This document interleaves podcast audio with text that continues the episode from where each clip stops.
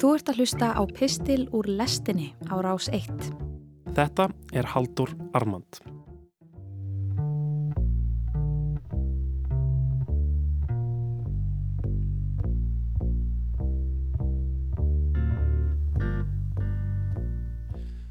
Það er áhugavert að velta fyrir sér hvernig litið verður á okkar byltingarkendu tíma þegar framlýða stundir. Á þessum vettvangi hefur til dæmis áður verið spurt hvernig listfræðingar framtíðar vunni meta árdaga læktakkans.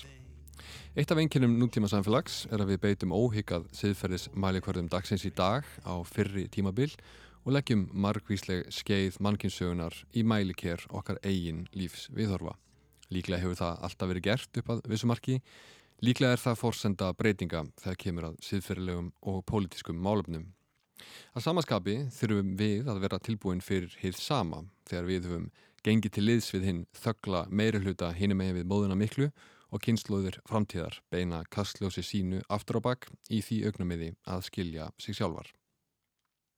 Þannig má spyrja hvernig myndum við lýsa fyrir gemveru þeirri heimsmynd sem við búum við Að minnstakosti í þessum hluta heimsins. Ímyndum okkur öllu heldur að menningarfræðingur frá fjarlægri stjórnithóku kemi hinga til jarðar og fær að skrá niður hjá sér hvað innkennir þennan nött. Hvað myndi þessi vera skrifa hjá sér í klósubókina um síðustu árhundruð? Segjum að það væri eitt orð, hvernig er þið nútímanum líst með einu orði?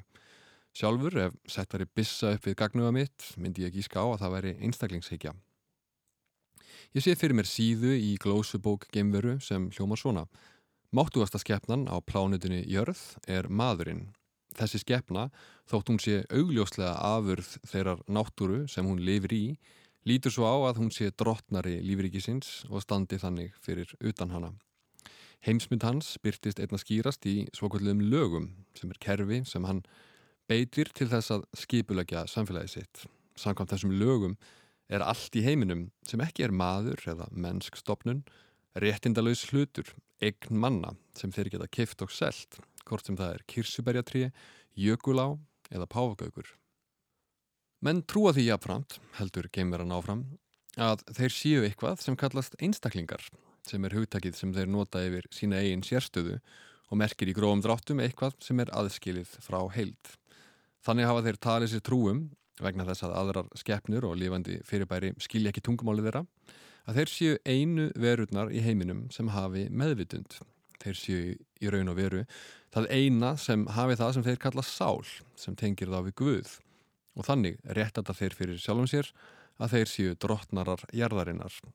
Þetta er síðan rót þess að þeir líta svo á að besta leiðin til að tryggja velíðan sína sé nöðsynlega á kostnað náttúrunar sem sagt með því að taka eins mikið frá henni og þeir geta. Þessi gildi endur speglast síðan í samfélagunum þeirra sem grundvallast á því sama sem sagt að einstaklingar eignist sem allra mest, sölsi undir sig eins mikil völd og hægt er, skapa eins mikil auð og hægt er, ávalda á kostnað annara, hvort sem það er beint eða óbeint. Þessi samfélög eru jáfnframt einstök að því leiti að þau vinna skipulega að því að skapa ófullnægi og óhamingju meðal íbúa sinna hinna svonemdu einstaklinga með því að láta þeim líða eins og þeir séu sífelt að verða undir í því miskunarlausa neyslu kaplöpi sem menning þeirra grundvallast á.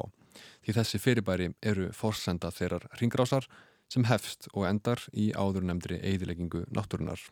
Þessi yðnaður að skapa viljandi óhamingju er kallaður konsumerismi.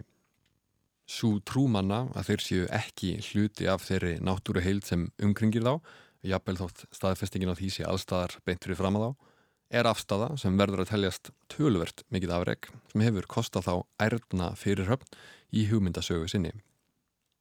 Um þessa hugmyndasögu var fjallað hér fyrir viku í písli um lagaleg réttindi náttúrunar þar sem hugmyndin um mannin sem drotnara jarðarinnar var rakin aftur til fyrstu mósebókar með viðkomu í upplýsingunni Descartes, Kant og félögum. Það er þessi heimsmynd sem býr að baki þeim veruleika sem við lifum við. Hún suðar í bakgrunni alþjóðlega hafkerfisins, lagarammans sem verndar það og í þeim samfélögum sem hana hýsa. Það kann að vera að einhverjum hlustanda finnist þetta heldur einfeldningsleg sín á mannlegt samfélag sem Geimran drefur hér upp í klósubókinni sinni En baksínis speil sögunar áða líka til að sína heldur einfaldamind af veruleikanum og stundum er nöðsynlegt að mála í breyðum strókum til að sjá hlutina skýrt. Nú heyrast domstagsbár viða og öll vitum við hvernig það á að breyðast við. Flokkar usl, hættanóta sógrur, fljúa minna, skiptir afbíla, hætta með plastboka og svo framvegs. Við eigum með öðrum orðum að breyðast við eins og einstaklingar. Jafnvel þótt allir viti að það séu stór fyrirtæki og það ekki mörg sem bera mesta ábyrð á losun gróðurhúsaloftegunda á heimsvísu. Nú má ekki miskila mig sem svo að ég taki ekki domstagsbár alvarlega En það verður hins vegar að horfast í þá staðrind að trúin á domstag er áhrifamikið og fúkóist stjórntæki. Það er þess vegna sem honum hefur verið spáð svona svakalega oft og í honum geta falist miklir fjárrakslegir hagsmunir. Ef þú vilt selja einhverjum eitthvað þá verður þú að byrja á því að ná völdum yfir honum og það er ekki að ástæðu lausu sem öll alminnileg köllt ringsóla á spórbög um domstag. Þess vegna mun alþjóðlegur kapitalismi ekki láta það einstaka tækifæri fram hjá sér fara að sístækandi hluti heimsbyðarinnar trúi á domstak vegna umhverfis hörmunga.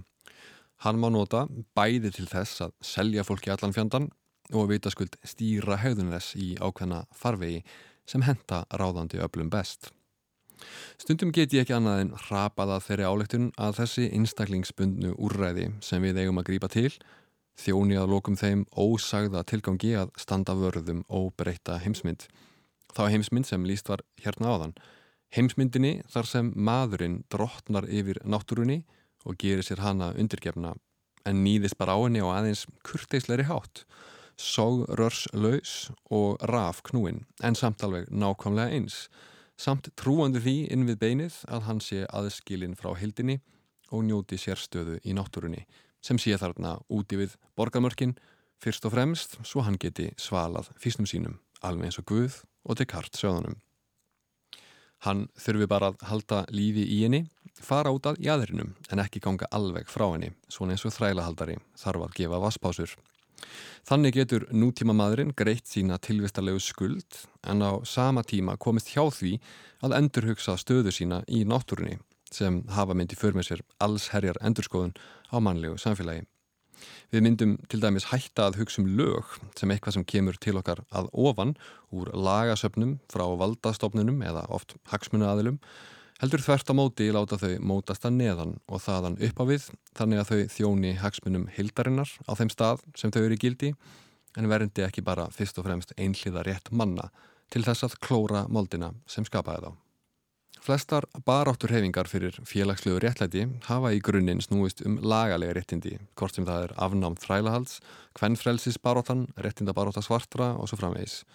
Þið sama mun líklega gilda um náttúruvernd. Þótt mörgum finnist það eflust framandi hugmynd að ímynda sér lagalega réttindi í Páfagauga, Kirsuberjatrjáa og Jökuláa, þá hafa fyrstu skrefin í þessa átt nú þegar verið tekinn. Til dæmis í Ekvator, þar sem hveðið er á um réttindi náttúrunar í stjórnarskrá og í Indlandi og Nýjasjálandi þar sem domstálar hafa veitt ám stöðu lög personu, líkt og fjallað varum hér í síðustu viku. Þetta eru fyrstu skrefin í átt að þeirri hugmyndafræðilegu umbyltingu að menn hætti að líta á sjálfa sig sem upphaf og endi alls í náttúrunni sem geti snúið við sínu eigin hriðjuverki með einu sóguröri í einu. Yes I care if she brings me spring But don't care about nothing. She brings the rain. Oh yeah, she brings the rain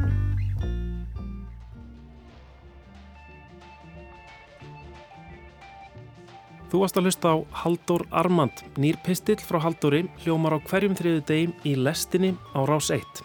Ef þú fílaðir þennan pistil og vilt heyra meira, getur gerst áskrifandi að lestinni hér í hlaðvarpsappinu þínu. Rás 1 fyrir forveitna.